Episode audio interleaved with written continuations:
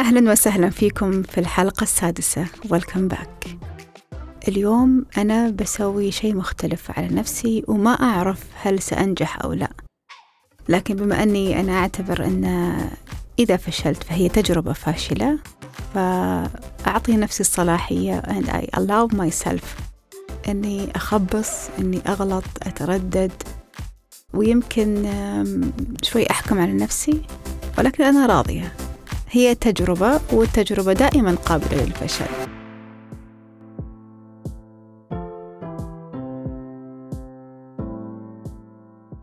ليش قاعدة أخبص هالكلام؟ لأن اليوم فعليا أنا ما عندي سكريبت أنا داخل الاستوديو ما عندي ولا كلمة مكتوبة من اللي بقولها في الحلقة. فالله يستر. أنا بالعادة منظمة في هذه الأشياء. عندي نقاطي عندي أمثلتي عندي الفلو اللي مفروض تمشي فيه الحلقة.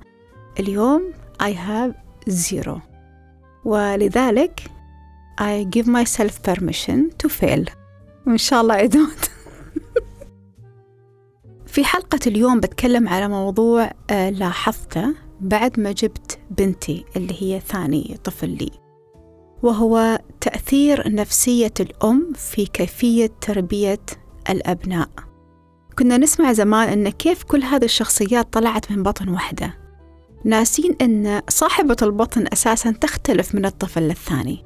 يعني الأم اللي جابت البيبي أول بيبي لها طريقة تربيتها طريقة تركيزها معاه العلم اللي كانت تعرفه الخبرات اللي كانت تعرفها تختلف عن لما صار معاها الولد الثاني. فدائما بتلاحظون الأم في أول طفل مهتمة فيه في صحته في دراسته في المستشفيات على كل تكة سوت قصة في الموضوع. ثاني بيبي ينزل هذا الاهتمام لأن عرفت من خبرتها أن الأشياء اللي كانت تشيل همها سابقا أصلا ما تسوى أو ممكن تعديها. يعني عادي لو انجرح الطفل شوية مايو بلاستر وخلاص. أول الطفل الأول كان عادي توديه الإمرجنسي عشان والله انجرح الطفل. غير هذا الأم اللي كان تركيزها فقط الطفل الأول الحين صار تركيزها متوزع على اثنين غير أبوهم طبعا. إحنا ما نتكلم على أبوهم هذا حطوا قصة أخرى. نتكلم على الأطفال فقط. فالأم اللي كانت تركيزها كامل على هذا الطفل توزع على واحد وبعدين صار متوزع على اثنين أو على ثلاثة. يعتمد كم كم طفل جابت هذه الأم. والأم نفسها شخصيتها لما كان معاها الطفل الأول اختلفت عن شخصيتها لما جابت الطفل الثاني والثالث. فطبيعي أن كل طفل يتربى بطريقة معينة.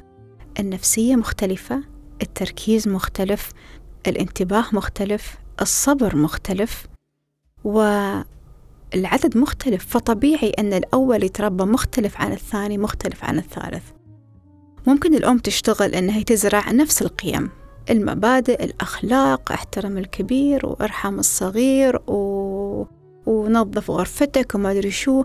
ولكن كل طفل يتلقاها بطريقة مختلفة. ليس لأن ليس فقط لأن الأم اختلفت بس لأن أساسا الأطفال مختلفين. معروف أن الطفل الأول مختلف عن الوسطاني مختلف عن الثالث. فما بالك لو عندك أربعة أو عشرة. فالبطن الوحدة طبيعي إن هي تخلف ناس مختلفين. وأكبر غلط أكبر غلطة ممكن نسويها في حياتنا أن نتوقع أن أبنائنا يطلعوا نسخ. copy copy copy copy copy. مصيبة. تخيلي لو أنت وأربعة من أخوانك أو أخواتك كلكم copy. نفس الشخصية. ملل. والله ملل. تخيلي. نفس الكلام نفس ال interest نفس اللي والله عن شو بتتكلمون أساسا؟ غير لما تكوني أنت مهتمة بال coaching أختك الثانية مهتمة بال make up والشعر والثالثة تحب تطبخ والرابعة رياضة والثانية كمبيوتر تخيلوا أنتوا زخم الحوار اللي ممكن يصير في الجلسة. وكلكم بآراء مختلفين وبشخصيات مختلفة وقيم مختلفة ومبادئ مختلفة. Sometimes you clash sometimes you get along which is عادي. يعني طبيعي إن إحنا نختلف. الله سبحانه وتعالى خلق كل شيء مختلف.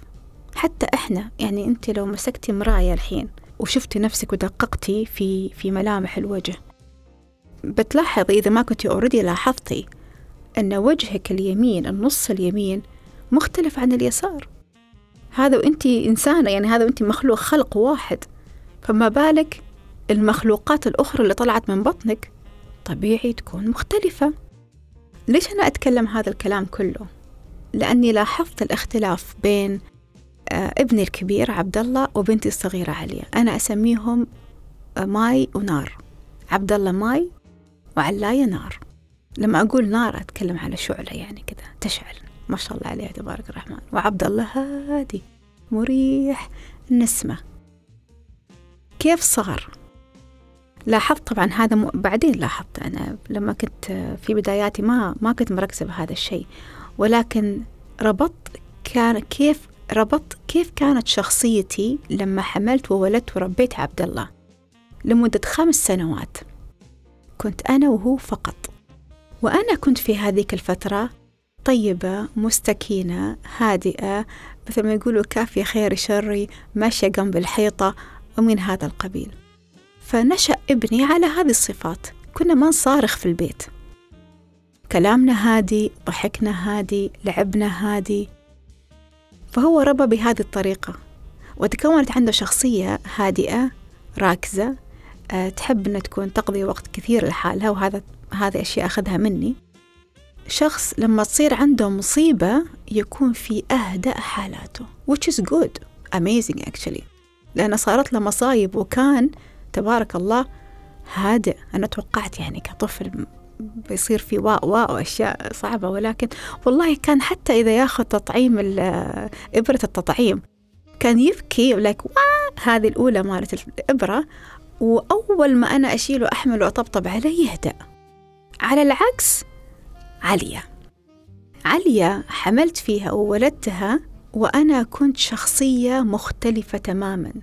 نقدر نقول نقيض نجوى في الخمس سنوات التي سبقتها.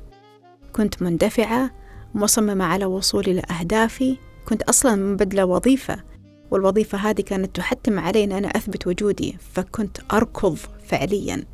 عشان أخلص أشغال عشان أمسك بروجكتات عشان أثبت نفسي عشان أغير وضعي في آه، في الدوام. فعليا تشربت مني هذا الاندفاع هذا الإقدام هذا ال ال ال الإقبال على أخذ المخاطرة وتقبل الفشل. فطلعت عندي عليا اللي أنا أوصفها بالنار. فلاحظت هذا. لاحظت هذه الفروقات بينهم بشكل جلي.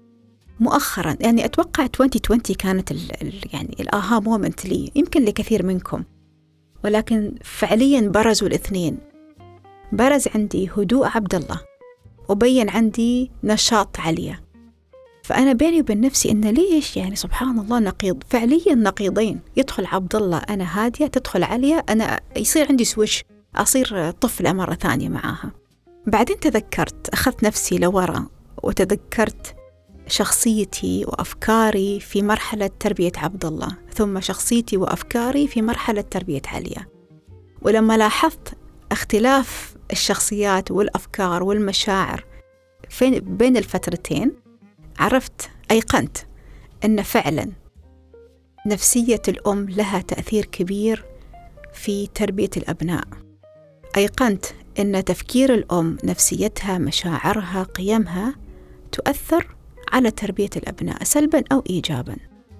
لذلك ابنك الأول راح ياخذ القيم والأفكار والمشاعر اللي كانت معاك في فترة تربيته.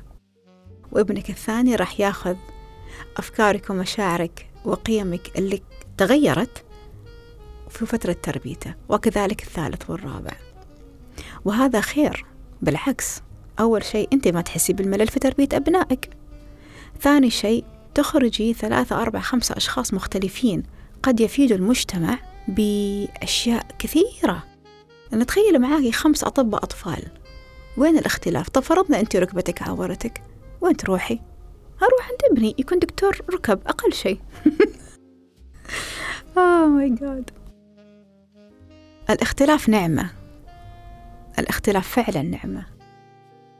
هو اللي يحلي جو البيت هو اللي يعطي للحياة طعم يعطي لليوم طعم. يا أخي حتى حضن عبد الله يختلف عن حضن عليا لهذه الدرجة. لما أقول لكم ماي ونار فعليا ماي ونار يختلفون الاثنين تماما. راح أنهي برسالة بسيطة. خاصة لك أنت يا أم. هذا أول شيء. بنمسك الأب بعد شوي. الحين عرفتي أن نفسيتك وأفكارك ومشاعرك وقيمك تأثر على تربيتك لأبنائك. فانتبهي لهم. مش ل... مش لأبنائك انتبهي لأفكارك ومشاعرك وقيمك. هل هم أفكار مشاعر وقيم جيدة؟ هل قاعدة تساعدك تربي أبنائك بطريقة أفضل؟ ولا قاعدة تخلي آه، رحلة تربية الأبناء هذه صعبة شاقة موضنية؟ آه، واجب ما فيها حب. راقبي. وإذا كنت مقبلة أنك تصيري أم تذكري أن ابنك وهو في بطنك. ياخذ منك. فانتبهي مرة ثانية على أفكارك ومشاعرك وقيمك. انتبهي. العلم اكتشف أن الطفل يتأثر حتى وهو في بطن أمه. فانتبهي. والحين رسالة للراس الكبيرة. الزوج. أنت تعرف وهذه خلوا أزواجكم يسمعوها أو أخوانكم حتى يسمعونها إذا عندهم أزو... إذا عندهم زوجات؟ الزوج لازم يستوعب أن اللي في بطن الزوجة هذا ابنه. إذا فلح الابن الأب ترى يكون مرتاح. وإذا الابن طلع عاطل الأب ينظر. ومن الذي يحمل هذا الطفل؟ هو الزوجة. فيا زوج راعي أن زوجتك تحمل مستقبلك. مش عايز آه، طفل مش عايز مش انت عايز آه، ولد يشيل اسمك؟ طب اهتم بنفسية أم الولد أول عشان يطلع الولد مثل الناس. عندي الحين رسالة إلى الزوج.